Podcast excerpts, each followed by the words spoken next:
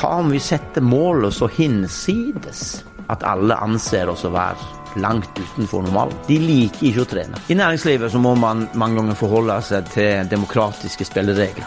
Det slipper vi. Hvor fort tror du han kommer til å løpe på 1500 meter? 320. Han tror det. Og jeg tror det. Her er Stavrum og Eikeland. Velkommen, Gjert Ingebrigtsen. Mange sier at det må galskap til for å bryte barrierer. Er det galskap som har skapt Team Ingebrigtsen? Galskap er jo et ord som gjerne blir brukt i en negativ sammenheng og i litt annet. Men det er klart, galskap, hvis du utvider begrepet til å være noe som vi som er unormalt, eller noe som er utenfor A4. Eh, og hvis du kommer langt nok utenfor A4 uten, å, uten at det blir en sykelig betegnelse, så, så, er det nok litt galskap som skal til for å tørre å, eh, å se muligheter utenfor den normale rammen. Så tror jeg nok det ligger litt galskap der. Men, men, men hva er det som altså Hvis du ser tilbake på, på det du gjør med, med gutta dine, eh, hva, hva, er det som, som er Uten det så hadde dere i hvert fall ikke lykkes. Altså Hvilken sånn enkel ting er det dere gjør som du vet at det er det, det er det som gjør det? Jeg tror nok det er flere faktorer. Jeg tror nok ikke man kan peke på én, men en, en, forutsetning, en, forutsetning, for å, å, lykkes med å flytte grenser, er at alle som er involvert i et apparat, enten det er stort eller lite, så må alle ha tro på at det faktisk er mulig. Uh, fordi at Hvis ikke du har en, den trua på, på, at det er mulig, så, så, kan du ikke se muligheter. For, det, det, for å se muligheter så må du ut forbi rammen. Og det, er, det gjelder både min rolle som, som, far og trener, men det gjelder definitivt guttene sin rolle. At de, med en gang man begynner å sette grenser som man opplever som absolutte barrierer, den dagen har du, da må du bare pakke sammen. Du, du, du, må ha en ubegrensa tro på eh, at du kan klare å bli det beste som noen gang har blitt skapt innenfor en eller andre feltet. Først da er det muligheter å nå, nå langt. Men hvor, hvor, gammel var Henrik, din eldste, eh, som er idrettsutøver? Ja. Eh, hvor gammel var han når, når eh, han og, og, du sammen bestemte dere for at han skulle bli best i verden? Jeg har heldigvis aldri vært en del av eh, målsettingen. Altså jeg har aldri tatt del i det å sette mål det, den, den, det, tar de, det, tar de, helt og holdent ansvar for sjøl. Eh, men jeg har nok bidratt til at uh, de evner å se mål som ligger utenfor hva de ellers trodde var mulig. Altså det å se at du kan bli bedre enn definisjonen. Altså det Den evnen har de. Og, og, den Henrik var vel 18-19 mm. når han så at han, at han kunne komme betydelig lengre enn noen andre, inklusive han sjøl, egentlig hadde trodd. Det å evne å tenke lengre, det, det, er noe du må jobbe litt med. Men han tenkte som en toppidrettsutøver fra han var mye, mye yngre? Nei, egentlig ikke. Nei? Nei. Eh, relativt mye Altså tidligere vi begynte litt sammen, og jeg begynte å trene han på langrenn i langrennssporet, eh, så, så, så, så han ikke så langt. Altså det var mer sånn som vanlige folk i hermetegn. Men etter hvert som man så at man, man, man, man hadde noe sammen som, som, gjorde det sånn at man, stadig nådde målet man satte seg. Og så hva om vi setter målet så hinsides at alle anser oss å være langt utenfor normalen? Og så er det en, en, en, Det er ikke noe man plutselig våkner opp en dag. Det er en modningsprosess. Hva om vi strekker den lenger enn langt? Så, så, da var han 18-19 år gammel når han begynte liksom å tenke at man kan bli blant de beste i verden. Jeg kjenner jo både, bare deg og sønnene dine fra, fra Pjernsund. Uh, de virker jo veldig forskjellige som typer. Uh, Henrik, Henrik var jo sånn at du unner jo han seier, for hvis ikke han hadde vunnet med den approachen, så hadde det, vært, hadde det ikke vært noe gøy å være Henrik. Uh, hvordan legger du opp forskjellen mellom de? Før så var det egentlig både i langrennssporet og i starten på friidretten, så var det stort sett meg og Henrik. Eh, og, og da, da, kjente vi hverandre veldig godt, på, på godt og på vondt. Og, og, vi kunne på en måte jobbe i det ene sporet. Eh, og så kommer Philip, som er um, helt annerledes, både som, som menneske og fysikk. eh, som krever en helt annen approach. Og så har du Jakob, som er en, noen plass midt imellom her. Så, så du har eh, Du har som trener utfordring med at alle, alle mennesker eh, og Selv om du bare har tre, så er de såpass forskjellige at de må håndteres på forskjellig måte. Eh, men det begrenser ikke den enkelte sin mulighet til å nå målene sine. Det er aldri en begrensning. Det, det, og som, som et team, de tre, som har forskjellige egenskaper, eh, så, så utfyller de hverandre såpass bra at de håper si, har gjensidig nytte av hverandre som, eh, i forhold til trening. Men du, eh, du har så vidt jeg vet ingen formell trenerutdannelse. Du var nominert to ganger til Årets trener før du ble Årets trener i 2019. Hva er det som har produsert deg? Hvordan ble du eh, den beste friidrettstreneren i verden? Det er nok eh, eh, den læringsprosessen som vi Og at vi- har vært villige til å, eh, å, å gå inn i materien og virkelig lære av prosessen. Eh, med Henrik så har vi gjort mye feil. Alt som går an å gjøre feil i og med at vi har ikke kunnskap. Så, så har vi gjort mye galt, og det har resultert i mye skadeavbrekk og, og overtrening og forskjellige ting. Og så, og så har man lært mer og mer etter hvert og, og kunne um, gjennom kunnskap um, flytte grensene i forhold til hva som er mulig å få til. Hvordan har du oppsøkt kunnskap? Du, du har ikke vært på skolebenken? Nei, Kunnskapen har kommet gjennom eh, eh, først og fremst meningsutveksling mellom meg og guttene. Eh, og at vi har sammen etablert en modell som vi ser gir veldig gode resultater over tid. Og så er det å være lojal overfor den modellen. Selv om det ikke alltid alle presterer på, på det beste, så, så er modellen og strukturen har vi såpass tro på at vi, vi, vi holder oss til det som vi vet fungerer. Du er, er jo i i sivil eh, logistikk, du leder på logistikkavdeling. Det, hø det høres ikke ut som du eh, lar minutter og ting skje tilfeldig i livet? Eh, nei, jeg har jobbet innenfor logistikk og økonomi i, i over 30 år og, og, har tatt med meg helt klart en del av eh, en del av mine erfaringer fra jobben min inn i dette. Eh, først og fremst det med å lage planer og holde seg til planer. Um, og at gjennomføring eh, At gjennomføring er det absolutt viktigste. Um, hvis du ikke gjennomfører, så så kan du ikke forvente at du når noen resultat. Eh, Det å lage planer i seg sjøl, det er liksom bare starten. Det kan alle lage.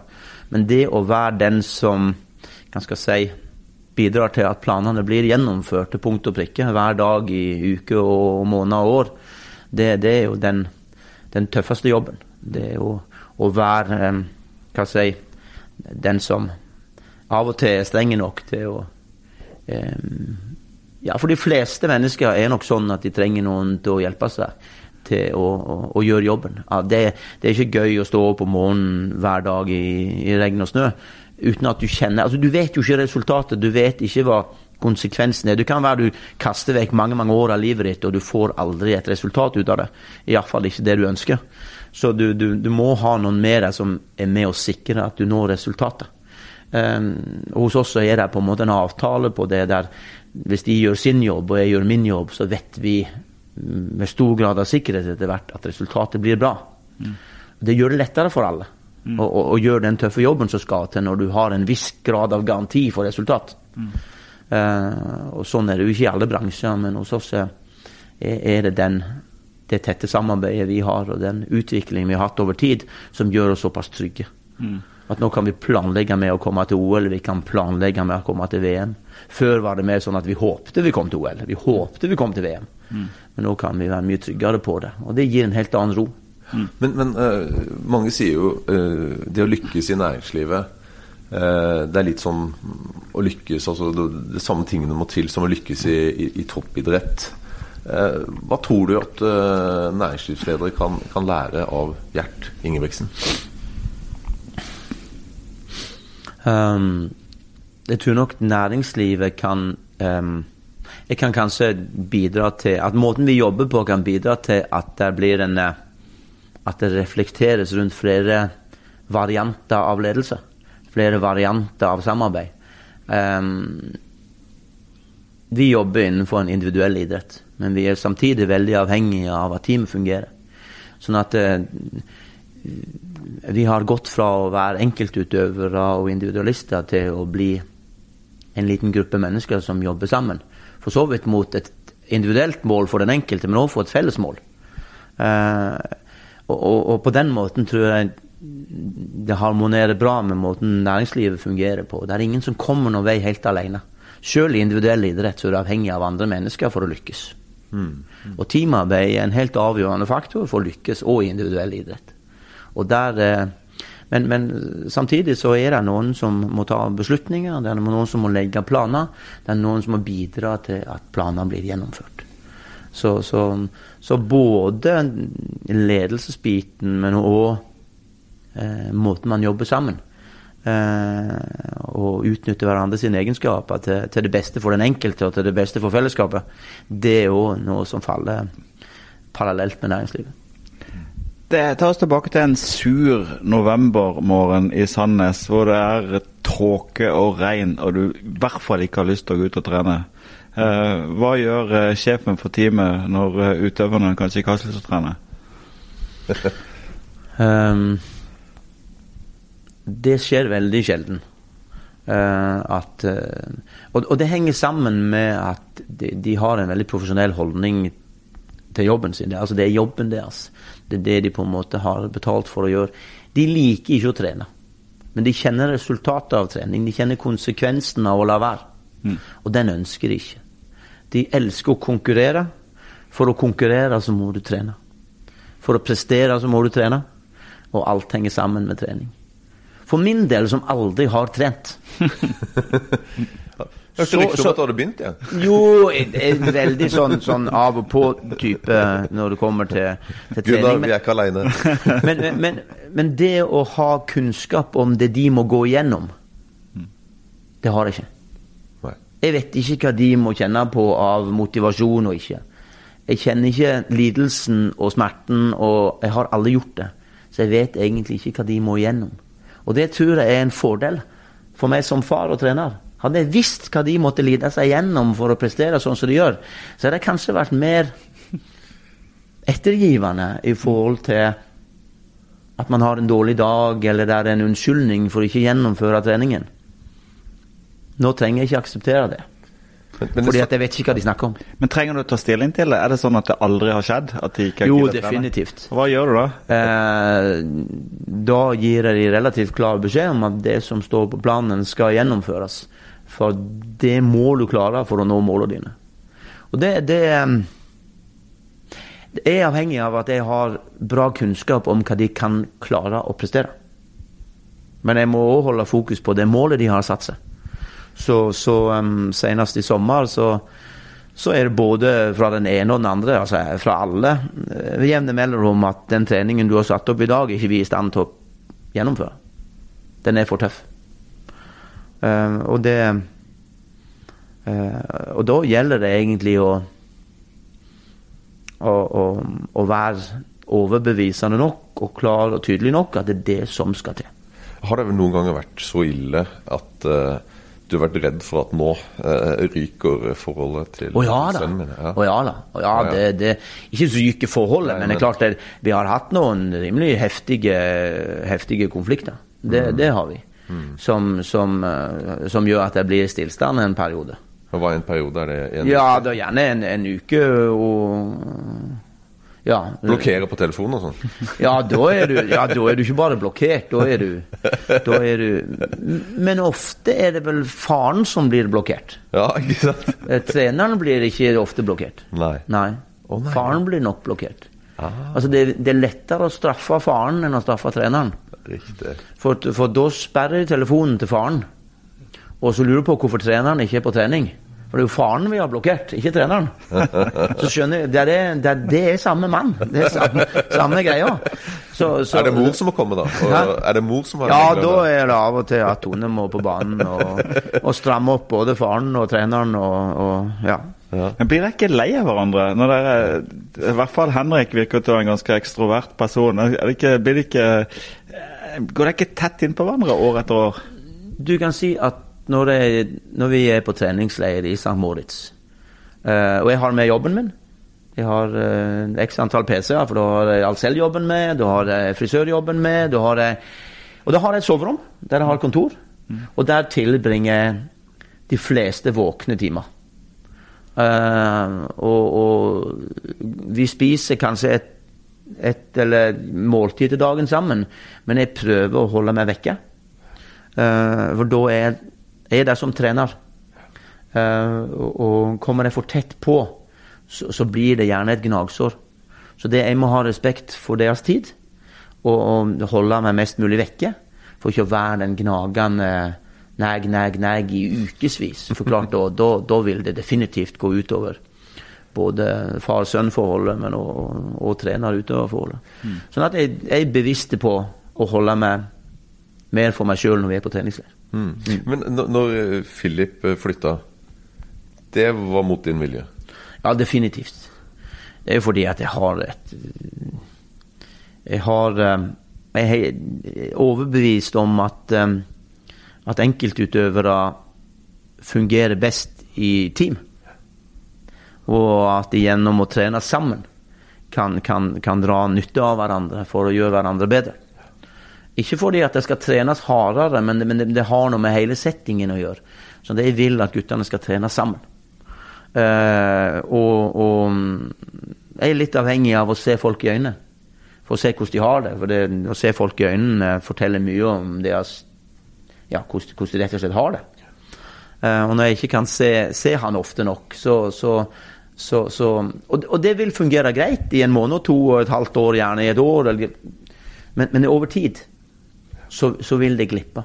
Så du er, du er, redd for at det, det holder til nå, men, men, du er redd for at ja, det langsomt uh, blir Ja, langsomt uh, at resultatene sakte, men sikkert blir dårligere. Mm. Fordi at man gjerne trener for hardt når man ikke burde.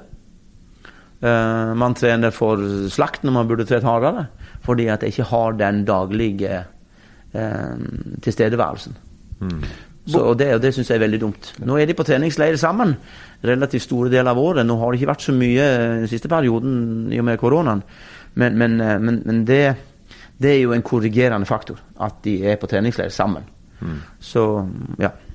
Boka di heter 'Kunsten å oppdra en verdensmester'. og Jeg er jo på en måte fotballpappa, men jeg har sett ganske mange fotballpappaer som har lyst til å oppdra en verdensmester. Du er ikke redd for at du blir en dårlig rollemodell for uh, veldig mange fedre som har lyst til å pushe barna sine mot deres vilje? Jeg er veldig fortvila over å ha skapt et inntrykk av at vi som foreldre er pushy. Mm. Um, jeg har fått et oppdrag av mine barn, men jeg har flere barn som ikke driver med idrett, enn som gjør det. Uh, og, de, og der uh, De bruker meg til snekring og, og alle mulige andre ting. Um, vi opplever ikke oss som foreldre å være pushy. Vi har aldri hatt et ønske om at våre barn skal drive med idrett eller andre ting. Men de har et ønske om det sjøl. Eh, og jeg får mange henvendelser fra folk, foreldre, som har en ambisjon på vegne av sine barn og det prøver jeg alltid å fortelle, at det, nå er du på feil plass. Vi har aldri vært ambisiøse foreldre. Ungene våre er ambisiøse. Det er litt forskjellige ting. Men du har aldri da sagt sånn som Finn Aamodt sa til Kjetil André Aamodt når han var sånn jeg vet ikke, 16-17, jeg bare leste dette i avisen, så det kan være litt sånn nyanser her. Eh, at han måtte huske denne dagen da han da ble med på en sånn fot romjuls fotballturnering med kompisene når han tapte OL-gullet med en hundredel eller to hundredeler. Og det gjorde han jo nesten i, i 94. Jo da, det, det, det, men igjen det, det henger sammen med den avtalen vi har når Jakob på 17. mai i russefeiringen velger å gå eh, i en eller annen sammenkomst Jeg sier at hvis du nå blir syk, og det går utover din deltakelse i de planlagte løpene, så bare husk hva det kommer av. Mm. Så går han. Han ble syk. Ble syk. oh. så det er klart, det er klart vi, er, vi, er, nok innom det. Ja. men, men, men, men, det har ingenting med foreldrerollen å gjøre. Det har noe med at man Konsekvensen av å sette seg mål og konsekvensen av å gjøre noen valg ja. Eh, er ikke alltid behagelige. Det er av og til fryktelig ubehagelig å ta konsekvensen av de valgene. Men så lenge det er dine valg, så, så, så må det være greit. At det er noen der og peker på det og sier du gjør nå et valg som går imot dine mål, og du må være villig til å ta konsekvensen av resultatet. For du velger nå. Her har jo næringslivet mye å lære.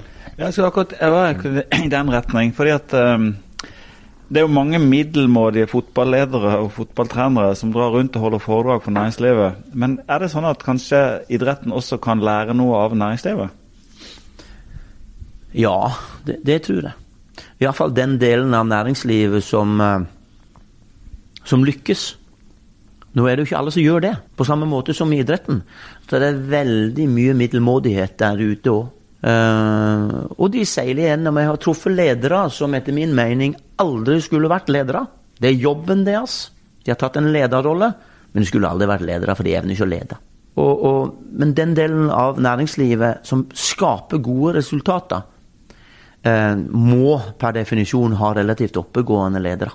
Uh, og, og, der tror jeg det er mye å lære av Uh, nå skal jeg ikke nevne, nevne idrett uh, spesifikt, men jeg tror det er, det er deler av Idretts-Norge som har mye å lære av næringslivet når det gjelder en profesjonell holdning til det du driver med. Hvis resultatet er viktig, som det er for deler av næringslivet, så er resultatet ekstremt viktig. Det er det viktigste elementet i forhold til det å drive næring. Det å skape resultat. Mm.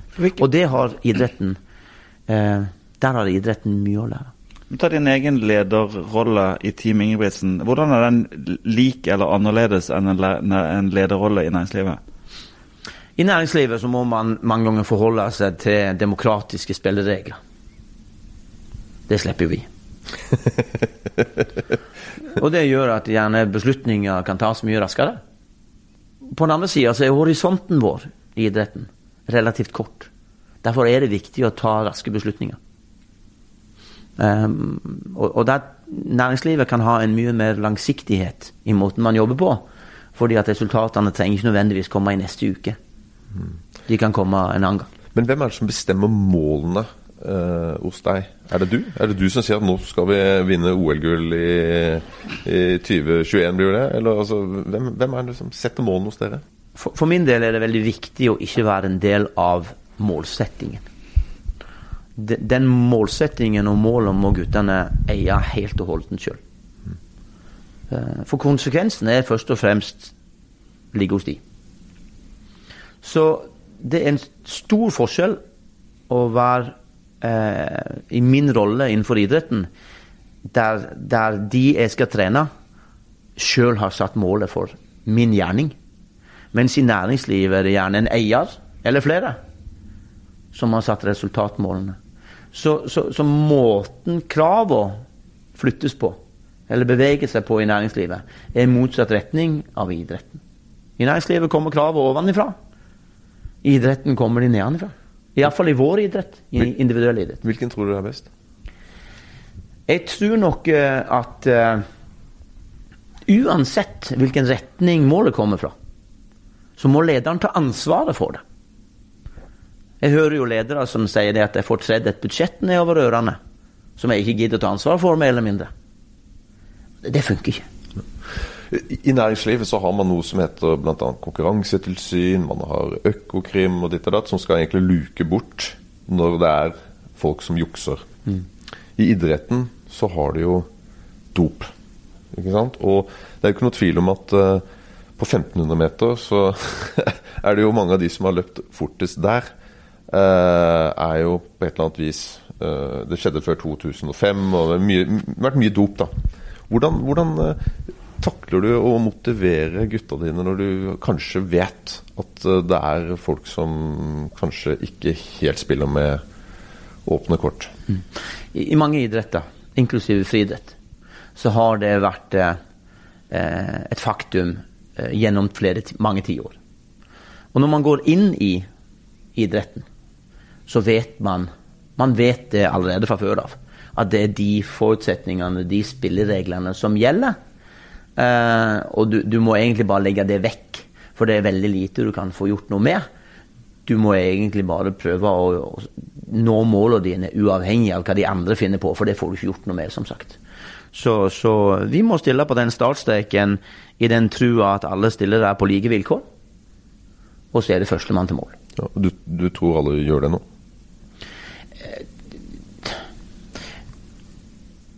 Vi må uansett ha den holdningen. At vi må slå alle uansett. Det å komme i mål og si at blant de som ikke var dopa, så var jeg best. Der deles ikke ut sånne medaljer. Nei, det gjør ikke det. Nei. De får du i posten eh, tre-fire Ja, det kan godt være, men da havner det nok sannsynligvis ned i en skuff òg etterpå. Ja, Men, ja, ja. men, men vi må slå alle uansett. Og det vet guttene mine veldig godt, så det er aldri et tema hos oss om den ene eller den andre. Nei. Nå er vi jo litt på vei inn i, en, i skyggesiden av toppidrett. Og for å ta en, en annen ting, så er det jo hva man gjør etter idrettskarrieren. Altså, vi har jo hatt en fersk sak i Norge nå hvor, som egentlig viser hvor tungt det er å komme ut av en situasjon hvor du er hele Norges helt, og etterpå skal leve et vanlig liv. Eh, hvordan forbereder du gutta dine på å unngå en sånn framtid? Eh, I motsetning til en god del andre idrettsutøvere, så prøver jeg å oppfordre guttene til å leve så normale liv som mulig, så tidlig som mulig. Henrik har familie. Philip har familie og barn. Jakob har vært samboer allerede et par år. Normalitet og det å ha et tilnærma A4-liv, som alle andre har, eh, så tidlig som mulig, begrenser begrense risikoen for en stor overgang når karrieren er slutt. Så det blir egentlig ikke noen overgang til normalitet, for den er der allerede. Jobben din er idretten, eh, og du har et liv. Du har et hus, hjem, kone, barn, hund. Så, eh, Så hos oss blir det ikke noen overgang. Bortsett fra at ikke du har en jobb. Jo, de har jo for så vidt det. Så lenge de har syn, det synet på det sjøl. Eh, så står de opp om morgenen og går på jobb. Jeg mener etter karrieren, da. Jo, etter karrieren eh, jeg, jeg tror jo det at hvis du, hvis du er satt sånn som guttene er nå, så tror jeg det blir en glidende overgang. Der man på slutten av karrieren eh, allerede tidlig begynner å tenke på hva man skal gjøre etterpå. Sånn at man ikke plutselig en dag står der uten noen ting. Eh, så jeg tror nok alle guttene har tenkt på eh, hvilke muligheter som finnes for de etter en karriere, og hva de har lyst til å holde på med. Nå har de jo veldig god tid å tenke seg om, men samtidig så treffer de veldig mye folk. Eh, vi har en del bedrifter som samarbeidspartnere, og vi får satt oss litt inn i hvordan næringslivet fungerer uh, gjennom de samarbeidspartnerne våre. Uh, og der er kommet både direkte og indirekte fra flere av de, at de godt kan tenke seg at guttene eller en eller to av de går inn i denne bedriften. Og så er det liksom der, der finnes noen muligheter. Uh, så vi, vi Jeg tror det kommer til å gå bra. Så, så du frykter ikke Northug, altså? Det forstår jeg. Der er alltid en risiko for at man skeiner ut i en eller annen retning. Men det kan ikke skyldes på idretten.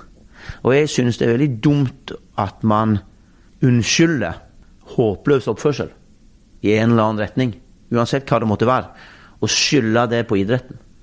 Idretten er ikke en arena der det er en option. Idretten er en arena der det oppdras stort sett ordentlige folk som fungerer godt i samfunnet, både før de driver idrett, mens de driver idrett og etterpå.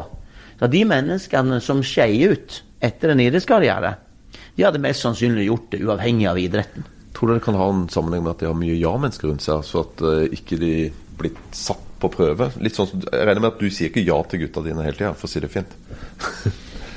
Jeg tror ikke nødvendigvis det har noe med det, men det har noe med at vi, vi er forskjellige som mennesker, og vi, vi, vi lar oss trigge av forskjellige ting. Men, men, men det å bruke idretten som en unnskyldning for uansett hvilken avvikende oppførsel man har, det syns jeg blir fryktelig feil. Vi snakker mye nå i idrett om fenomener. Altså Du har hatt Usain Bolt. Nå har vi jo faktisk i, her i Rogaland eh, en eh, fotballspiller som er et fenomen. Og eh, Det er bare snakk om hvor god blir han.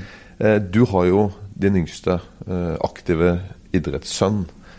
Han kan vi jo kalle et fenomen. Han tok jo nå en ny europarekord på 3,28. Et eller annet. Jeg mener, jeg husker ikke det siste.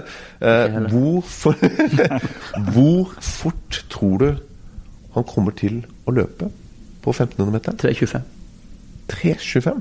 Da snakker vi verdensrekord. Jeg tror ikke det.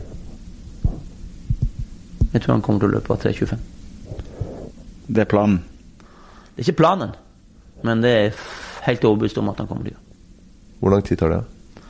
I løpet av de neste par åra regner jeg med at han er under verdensrekord. Kall det gjerne galskap. Men hvis ikke du er, er villig til å se at grenser er der for å flyttes, så må du finne på noe annet. Han tror det, og jeg tror det. Du eh, har jo fått den æren der å bli parodiert av Rune Bjerger. Liker du parodien? Det har jeg ikke noe forhold til. Jeg har ikke satt meg inn i det. Men jeg ser jo at andre liker det. Så han må jo ha truffet noe. Så, så eh, eh, Det å bli parodi parodiert er jo eh, tegn på at du, du, du, du går ikke inn i mengden. Du, eh, du skiller deg ut på et eller annet vis, enten positivt eller negativt. Og, og, og det å, å la seg parodiere, det, det tror jeg man må ikke være så selvhøytidelig at man ikke ser at det Men jeg har satt ei klar og tydelig grense for han. Det har jeg gjort. Så det er mellom meg og han. Ja, men du kan dele med våre 100 000 lyttere. Eh, Så jeg, en, eh, jeg syns det er ok at han parodierer mine trekk, men eh, eh, jeg syns ikke andre skal skal måtte lide for at jeg har parodier, parodierbare trekk. Det syns jeg.